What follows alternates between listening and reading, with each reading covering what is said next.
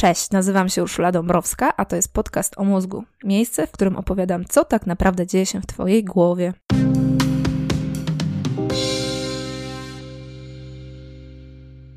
Na co dzień robisz to, co robisz, myślisz tak, jak myślisz i czujesz, co czujesz. Ale właściwie dlaczego tak, a nie inaczej? Uważam, że jest to pytanie zasadnicze. Hardware i software człowieka fascynują mnie od lat i chcę się tą fascynacją dzielić z Tobą. Dlatego właśnie umysł, mózg i różne aspekty psychiki to tematy kolejnych odcinków tego podcastu.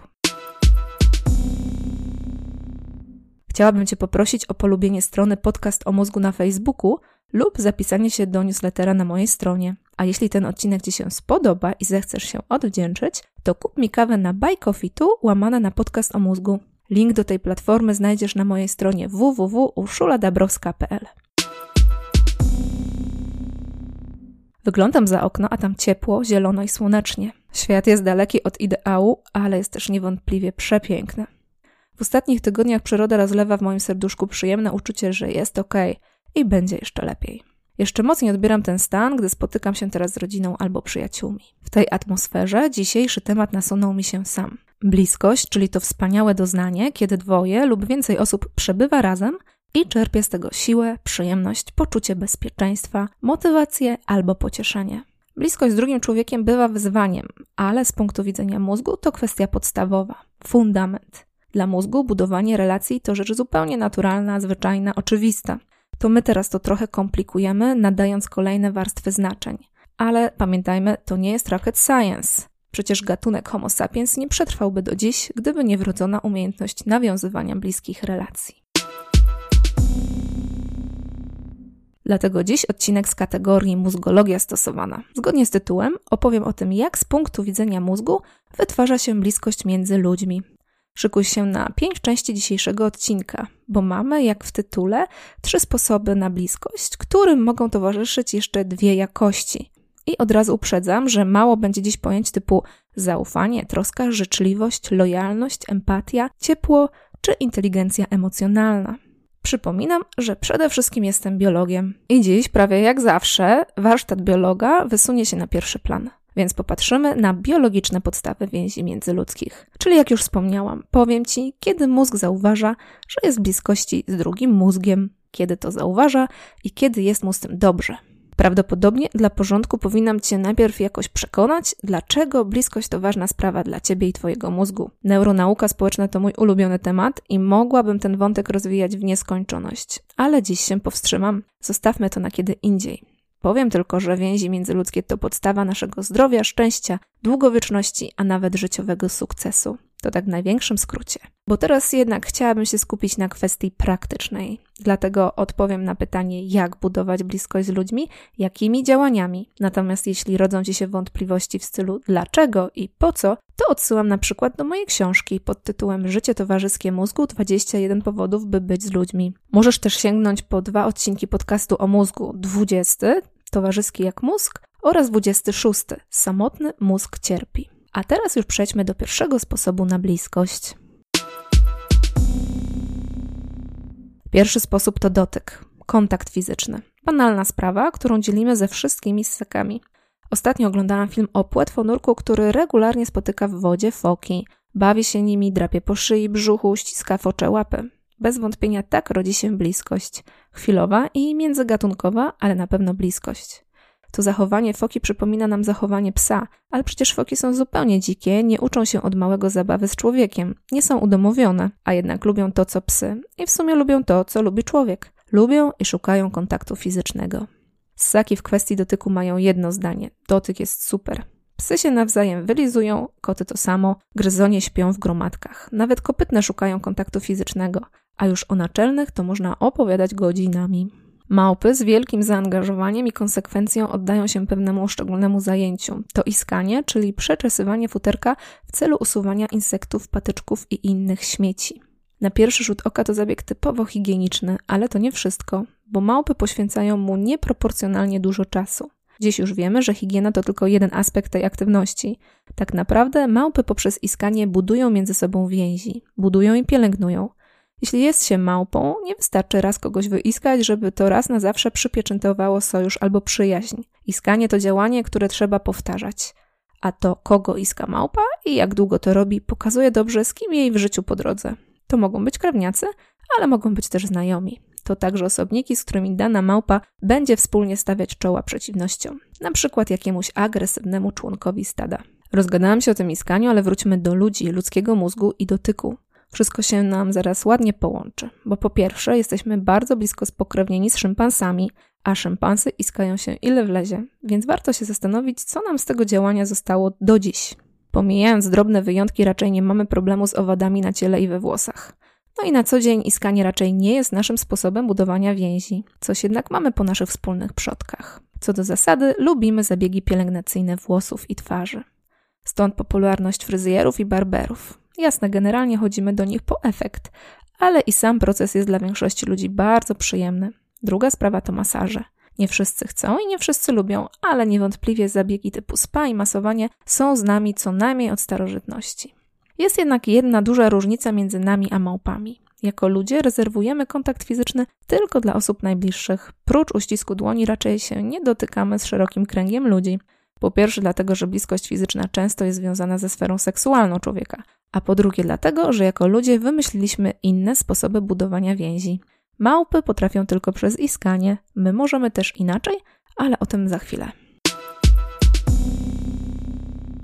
Zostańmy jeszcze przy dotyku. Nie ze wszystkimi i nie zawsze, czyli z wybranymi i w określonych okolicznościach, ale my ludzie uwielbiamy czuć dotyk drugiego człowieka. Najlepiej taki skórę do skóry. Jako dzieci nie mamy co do tego żadnych wątpliwości. Wiadomo, że jak mama pocałuje, to mniej boli, a jak się przestraszę, to tata utuli i będzie znów wszystko ok. Dotyk mamy, taty, babci, dziadka, a nawet przedszkolanki działa cuda. Bo, jak wszystkie ssaki, czerpiemy z bliskości ogromnie dużo poczucia bezpieczeństwa i przyjemności. Czasami w czasie dojrzewania dzieci tracą tę naturalną skłonność do przytulasków. Budzi się seksualność i mózg ma mnóstwo roboty, żeby sobie te nowe bodźce dotykowe poukładać i zrozumieć. Dotyk zaczyna dawać zupełnie nowe doznania, dużo bardziej interesujące, przynajmniej na tym etapie życia. Szukanie pocieszenia w kontakcie fizycznym odchodzi w odstawkę, przynajmniej na jakiś czas. Przynajmniej do czasu, gdy mózg poukłada sobie te nowe wrażenia tak, że jest w stanie rozróżniać dotyk kojący, pocieszający, budujący więź od dotyku erotycznego. Niektórym się to nie udaje i potem już każda bliskość fizyczna jest albo nieprzyjemna, albo erotyczna. Większość ludzi jednak ceni sobie bliskość fizyczną i bardzo dobrze, bo ona na poziomie biologicznym po prostu działa. Tak jak inne ssaki, mamy w skórze specjalne receptory, które istnieją jedynie po to, by rejestrować głaskanie. Pobudzają się tylko łagodnym, rytmicznym dotykiem i robią swoją robotę u małp przy iskaniu.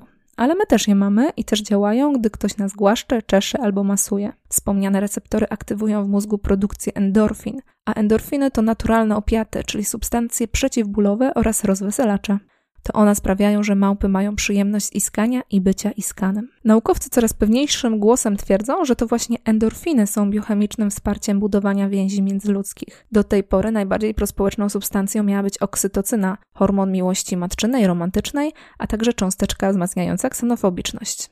O oksytocynie opowiem kiedy indziej. Dziś wolałabym, żebyś zapamiętał, zapamiętała jednak endorfiny – bo one pojawią się gdzieś w odcinku jeszcze co najmniej dwa razy, zawsze w kontekście dobrego samopoczucia i budowania bliskości. Dotyk to mega ważna sprawa. Małpy przy pomocy dotyku układają sobie całe życie towarzyskie, ale jakkolwiek kocham świat zwierząt, to jednak nie zapominajmy o tym, że człowiek to istota wyjątkowa. Dla nas ludzi dotyk to nie jest jedyny sposób budowania więzi. Drugi, równie podstawowy sposób to rozmowa. W toku ewolucji matka natura obdarzyła nas czymś niezwykłym i wspaniałym. Mamy zdolność mowy. W naszych głowach tworzą się myśli, a my je werbalizujemy i dzięki falom dźwiękowym przekazujemy te myśli na odległość do innych głów. Wspaniałe. Nie jest to proces idealny czy bezbłędny, ale jest niesamowity. Język, mowa i komunikacja werbalna to jedne z najbardziej niezwykłych osiągnięć ludzkiego mózgu. To także temat, który zasługuje na osobny odcinek, ale dziś chcę się skupić na podstawowej roli mowy a jest nią plotkowanie. To tylko hipoteza, ale dziś większość badaczy jest zgodna. Język wyewoluował, żeby nasi prapraprzodkowie mogli sobie poplotkować, czyli wymieniać informacje, kto z kim i dlaczego, kto romansuje, kto ma nową krowę, kto się pokłócił, komu ufać, a komu nie. Naukowcy podkreślają też, że takie plotkowanie zastąpiło nam iskanie. Dzięki mowie nie musimy już się dotykać, żeby sobie nawzajem okazywać uwagę i zainteresowanie. Żeby poczuć z kimś bliskość. W tym celu możemy porozmawiać, czyli poplotkować. I od razu uprzedzam wszelkie wątpliwości. Naukowcy nie zachęcają do szkalowania, wywlekania brudów, obgadywania. Jeśli słowo plotkowanie właśnie z tym ci się kojarzy, to nic nie poradzę. Ale w kontekście ewolucyjnym plotkowanie ma trochę inny charakter. To raczej wymienianie informacji o środowisku społecznym. No i wiadomo, plotkowanie to nie wszystko. Rozmowa może mieć kilka, jeśli nie kilkanaście odsłon. Ja na swój użytek wyróżniam cztery. A small talk, B wspomniane wcześniej plotkowanie, C wymiana informacji takich praktycznych, faktograficznych i D rozmowa przez wielkie R. Właściwie każda taka rozmowa może budować bliskość. Small talk pozwala nam wyczuć, jakie kto ma nastawienie, humor, temperament. Plotkowanie cementuje bliskość osób już ze sobą zaznajomionych. Wymiana informacji praktycznych i faktograficznych łączy przez wspólne zainteresowania oraz przez wymianę niematerialnych dóbr, bo przecież informacja to też zasoby. Natomiast rozmowa przez wielkie R to zdecydowanie moja ulubienica. Rozmowa przez wielkie R to taka rozmowa, gdy obie osoby opowiadają sobie nawzajem swoje życie. Czasem jest to sprawdozdanie z ostatniego dnia, a czasem z ostatnich dwóch dekad.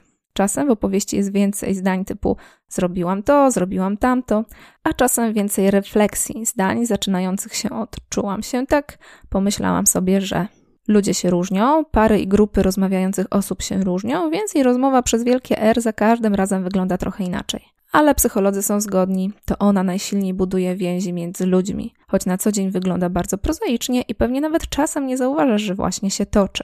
Jakiś przykład? Proszę bardzo. Rozmowa przez wielkie R to wszystkie te dialogi, które zaczynają się od słów jak ci minął dzień, co w szkole, jak było na urlopie oraz co u ciebie ostatnio słychać. Mózg bardzo to lubi. Nie do końca wiadomo, jakie procesy zachodzą w nim w czasie takiej rozmowy, ale jedno jest pewne. Im ludzie lepiej się dogadują, tym mózgi bardziej się synchronizują. I to akurat sprawdzono eksperymentalnie. Ale przecież znamy to z własnego doświadczenia. Z niektórymi ludźmi rozmowa się klei, a z innymi zupełnie nie. Z jednymi nadajemy na jednej fali, z innymi nie bardzo. No i sami czujemy, że są rozmowy, po których jest nam z kimś jakoś bardziej po drodze. Zauważamy, że po takiej rozmowie łatwiej nam na kimś polegać, bardziej tej osobie ufamy i sami chcemy być dla niej wsparciem. Właśnie taką bliskość potrafi zbudować rozmowa przez wielkie R. Ja nie mam złudzeń, że to kogoś zaskakuje. Rozmowa to podstawa. Myślę tylko, że czasem umyka nam tylko jedna sprawa. Z punktu widzenia mózgu to nie bliskość stwarza okazję do rozmowy, a raczej z drugą stronę. To rozmowa buduje bliskość. No i z czasem zachodzi sprzężenie zwrotne, bo przecież do budowania bliskości potrzebny jest czas. No i widzę już oczami wyobraźni te zawiedzone oblicza osób, które nie są gadułami. Jest cała rzesza ludzi, dla których rozmowy są męczące albo nudne. No i co z nimi? Czy ich mózgi są skazane na samotność? Czy Milczek i nieśmiała introwertyczka nie mają szansy na bliskość? Spokojnie, jasne, że mają. Możesz zrobić wielkie uf. Jest jeszcze jeden tryb, w którym mózg uwielbia przebywać i budować więź z innymi. To współpraca. Niech ci nikt nie próbuje wmówić, że człowiek z natury jest egoistyczny. Przyznaję, jakieś podstawy do takiej oceny są szczególnie u niektórych jednostek i na niektórych etapach życia. Ale jako ludzkość jesteśmy zdecydowanie nastawieni na współpracę i pomaganie. Odsyłam Cię tu do dwóch odcinków podcastu o mózgu. To odcinek 15 Neuromagia dawania i odcinek 29 Udomowienie człowieka. W każdym razie ewolucja ukształtowała nas do współpracowania. Sami jako jednostki nie potrafimy zbyt dużo, ale jeśli się dogadamy, to jesteśmy w stanie zbudować szałas, upolować mamuta, założyć wioskę, postawić most, a nawet stworzyć światową sieć przesyłu danych. I jest tym pewien paradoks. Inni ludzie są przecież dla nas konkurencją o zasoby, przestrzeń itd. Tak Jeśli nie stanowią zagrożenia, to już super. Ale nawet pokojowo nastawieni przedstawiciele naszego gatunku potrafią zaleźć za skórę. Z innymi ludźmi trzeba się dogadywać, ustalać kompromisy, dawać sobie radę z ich emocjami, akceptować potrzeby i w ogóle ustępować na wielu polach, żeby każda interakcja nie przeradzała się w konflikty. Okropieństwo mozu i duże koszty energetyczne. Żeby to wszystko nie przesłoniło nam potencjalnych zysków, ewolucja musiała znaleźć zachętę. Musiała znaleźć sposób, żebyśmy jednak mimo wszystko decydowali się na współpracę. Budowała w nasze mózgi takie obwody, które sprawiają, że lubimy robić różne rzeczy razem. Współpracujemy nie tylko dla samego zysku, ale także dlatego, że jest to samo w sobie przyjemne. Na pewno kojarzysz hasło high biegacza. To efekt lekkiej euforii, który pojawia się przy dłuższym wysiłku fizycznym, tak działają endorfiny i pewnie jeszcze inne hormony lub neuroprzekaźniki. Dziś w tym kontekście wspomina się też o endokanabidoidach. każdym razie wiemy dobrze, że długi aerobowy wysiłek wprowadza nas w błogi nastrój. Tłumaczy się to tym, że fizjologia ciała chce nas zmotywować do dalszej pracy, bo endorfiny łagodzą ból i dają przyjemny stan emocjonalny. Ale ewolucjoniści mają dodatkową teorię. Uważają, że haj biegacza pomagał naszym przodkom polować. Łagodzenie bólu i podnoszenie wytrzymałości to tylko początek. High endorfinowy czy endokanabidoidowy robił coś więcej. Sprawiał, że grupa polujących czuła się ze sobą na maksa związana. Między polującymi powstawała głęboka więź, która po pierwsze ułatwiała upolować zwierza, a po drugie pozwalała potem łupy podzielić między sobą i resztą plemienia. Piękny obrazek, nie uważasz? Gdzieś mało kto poluje, ale zdarza nam się robić wspólnie z innymi różne rzeczy. Współpraca, szczególnie jeśli jest owocna, zbliża do siebie ludzi w niesamowity sposób. Być może stoją za tym endorfiny, być może nie, ale fakt pozostaje faktem. My ludzie uwielbiamy robić coś razem, nie tylko dlatego, że wspólnie łatwiej osiągnąć cel, także dlatego, że dzięki wspólnemu działaniu możemy poczuć więź i bliskość z innymi. Jeśli nie chcemy, to nie musimy przy tym za wiele rozmawiać. Bliskość można budować przez dotyk, rozmowę i współpracę. Takie działania zauważa mózg. Dotyk rezerwujemy dla najbliższych, a rozmową i współpracą budujemy coraz szersze kręgi bliskości. Podkreślam zawsze ten ostatni element, bo uważam, że jest on niedoceniany. Sama uwielbiam rozmowy i siedzę mocno w kulturze dialogu. Pewne rzeczy trzeba przegadać, po prostu. Trzeba umieć się dogadywać, wyrażać emocje i potrzeby, być kulturalnie asertywnym i rozwijać wachlarz swoich komunikacyjnych zdolności. Jestem cała na tak ale od czasu do czasu włącza się we mnie duch przekory i mam ochotę zamknąć buzię na kłódkę i po prostu z kimś coś porobić. Ugotować obiad, zorganizować ognisko, pograć w planszówki, pójść na spacer, zmontować regał z Ikei, potańczyć albo zgrabić liście z ogródka. Pobyć z kimś blisko, ale bez gadania. Wiem, że dużo osób tak ma. I zauważyli to też psychologowie. Chwała im za to, bo przecież to są naukowcy głównie od słuchania i gadania. A jednak nie umknęło im, że ludzie są różni. Jedni budują bliskość przez rozmowę, a drudzy przez wspólne działanie. Nazwali te różne style nawiązywania relacji stylem żeńskim albo męskim. Sorry za stereotypy, ale coś w tym jest. Kobiety generalnie lubią sobie pogadać od serca, a mężczyźni wolą coś razem przedsięwziąć. Jedni powiedzą, że to ugruntowane kulturowe uprzedzenie, ale ja myślę, że jest tam też dużo biologicznych podstaw. Odsyłam Cię do odcinka 23 Kobiecy styl wsparcia. Tłumaczę w nim, dlaczego my dziewczyny koniecznie potrzebujemy rozmów z przyjaciółkami. Jeśli jednak podział na styl żeński męski Ci się nie podoba, to jest na to też inna nazwa. Styl budowania relacji twarzą w twarz lub ramię w ramię. I w sumie nieważne, jak to będziemy nazywać. Nieważne też, czy wolisz z kimś porozmawiać, czy raczej wspólnie działać. Najważniejsze, żebyś miał, miała w życiu dużo różnych okazji do budowania bliskości z innymi ludźmi. Dużo, a przynajmniej wystarczająco. No to tyle. Już wiesz, kiedy mózg zauważa budowanie relacji i bliskości. To dotyk, rozmowa i współpraca. Ale na początku odcinka wspomniałam, że będą jeszcze dwie jakości, które wzmacniają te sposoby. Te dwie jakości to śmiech i synchronizacja. Możesz myśleć o tym jako o przyprawach, które wydobywają jeszcze więcej smaku z dotyku, rozmowy czy współpracy. Serdeczny śmiech w towarzystwie jest jedną z najprzyjemniejszych rzeczy, jakie może doświadczać człowiek. Śmiech buduje więź, a więź stwarza większe pole do śmiechu. Jeśli chcesz poczuć bliskość z drugą osobą, to szukaj okazji do wspólnego śmiania się. Śmieją się wszystkie ssaki, więc jest to ewolucyjnie całkiem stara umiejętność, na pewno starsza niż zdolność rozmawiania. W dzieciństwie śmiech towarzyszy wszystkim dobrym zabawom. Gilgotki, przepychanki, berek, wygłupy, żarty. Z tego składa się szczęśliwe dzieciństwo. Ale w dorosłości nie musimy sobie tego odbierać. Śmiech to coś wspaniałego, a najlepszy jest taki, który spontanicznie pojawia się w czasie rozmowy albo wspólnego działania. Mózg uwielbia takie sytuacje i bardzo sobie je ceni. Druga jakość, która wzmacnia uczucie bliskości, to synchronizacja. Niezwykła umiejętność ludzkiego mózgu. Synchronizacja zachodzi wtedy, gdy dwa układy nerwowe są w stanie wykonywać takie samo lub skoordynowane działanie. Widzimy to dobrze w tańcu synchronicznym, tańcu w parach albo w równym wiosłowaniu wioślarze czy kajakarze. Ale synchronizacja mózgów zachodzi nawet w czasie rozmowy, o czym już mówiłam. Synchronizujemy się także, gdy wspólnie śpiewamy albo gramy w zespole czy orkiestrze.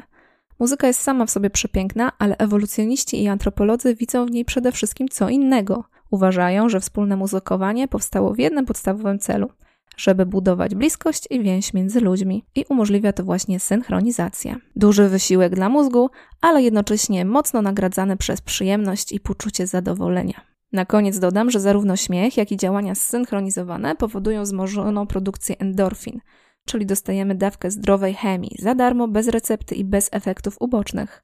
Endorfiny to mniej bólu fizycznego, czasem nawet emocjonalnego, a także więcej radości, błogości i zadowolenia. I jak już ustaliliśmy, więcej poczucia bliskości z innymi ludźmi. No to podsumujmy. Zakładam, że chcesz bliskości i więzi z innymi. Chcesz mieć gęstą sieć społeczną i dobre relacje na różnych poziomach zażyłości. Niestety nie dam ci magicznego przepisu na miłość, przyjaźń albo zaufanie, ale mogę ci powiedzieć, co robić, by twój mózg poczuł, że nie jest sam. Po pierwsze, dotyk. Wymieniam w kolejności przypadkowej. Przytulaski, buziaki, czułe pogłaskanie po ramieniu, zapasy z dzieckiem, drzemanie czy oglądanie telewizji w objęciu, no i nie zapominajmy seks. Po drugie, rozmowa. Nie zawsze musi być głęboka, ale największą bliskość buduje opowiadanie sobie nawzajem życia. Plotki i wymiana informacji też nie są złe. Mózg jednak najbardziej ucieszy się, gdy będziesz opowiadać innej osobie, co się dzieje w Twoim życiu oraz słuchać, co dzieje się u niej. Po trzecie, współpraca. Dla mózgu najbardziej zauważalna jest współpraca bezpośrednio i na żywo. Więc jeśli chcesz z kimś nawiązać bliską relację, to spróbuj z nim coś zorganizować albo przeżyć. Codzienność daje nam mnóstwo okazji. Wystarczy wykorzystać to, co się przydarza. Odbierz ze znajomym jego dzieci ze szkoły, przewieźcie razem kanapę do nowego mieszkania, zróbcie z przyjaciółmi home cooking, zorganizujcie piknik za miastem, pograj w kosza z córką, idź z synem na zakupy. Zaangażuj się w wolontariat, zrób z sąsiadem karmniki dla ptaków, załóż fundację i stwórz ogólnopolską akcję pomocy międzypokoleniowej. Rozpędziłam się? No to wróćmy na ziemię. Wystarczy, że zagrasz z kimś kalambury albo pogracie razem w nogę. Po czwarte, dodaj do tych działań trochę humoru i pogody ducha. Wiem, że nie zawsze się chce, ale jeśli uda Ci się w rozmowie lub współpracy doprowadzić siebie i innych do śmiechu, to Twój mózg będzie przeszczęśliwy, a bliskość i więź pojawią się jak za dotknięciem czarodziejskiej różdżki. Po piąte, szukaj okazji do synchronizacji. Śpiewanie i tańczenie to pewnie najbardziej dostępne opcje, ale jeśli to nie dla Ciebie, to sprawdzi się nawet równy marsz. To tyle na dziś. Życzę dobrych, budujących bliskość spotkań. Ja też idę coś sobie zorganizować. Pa!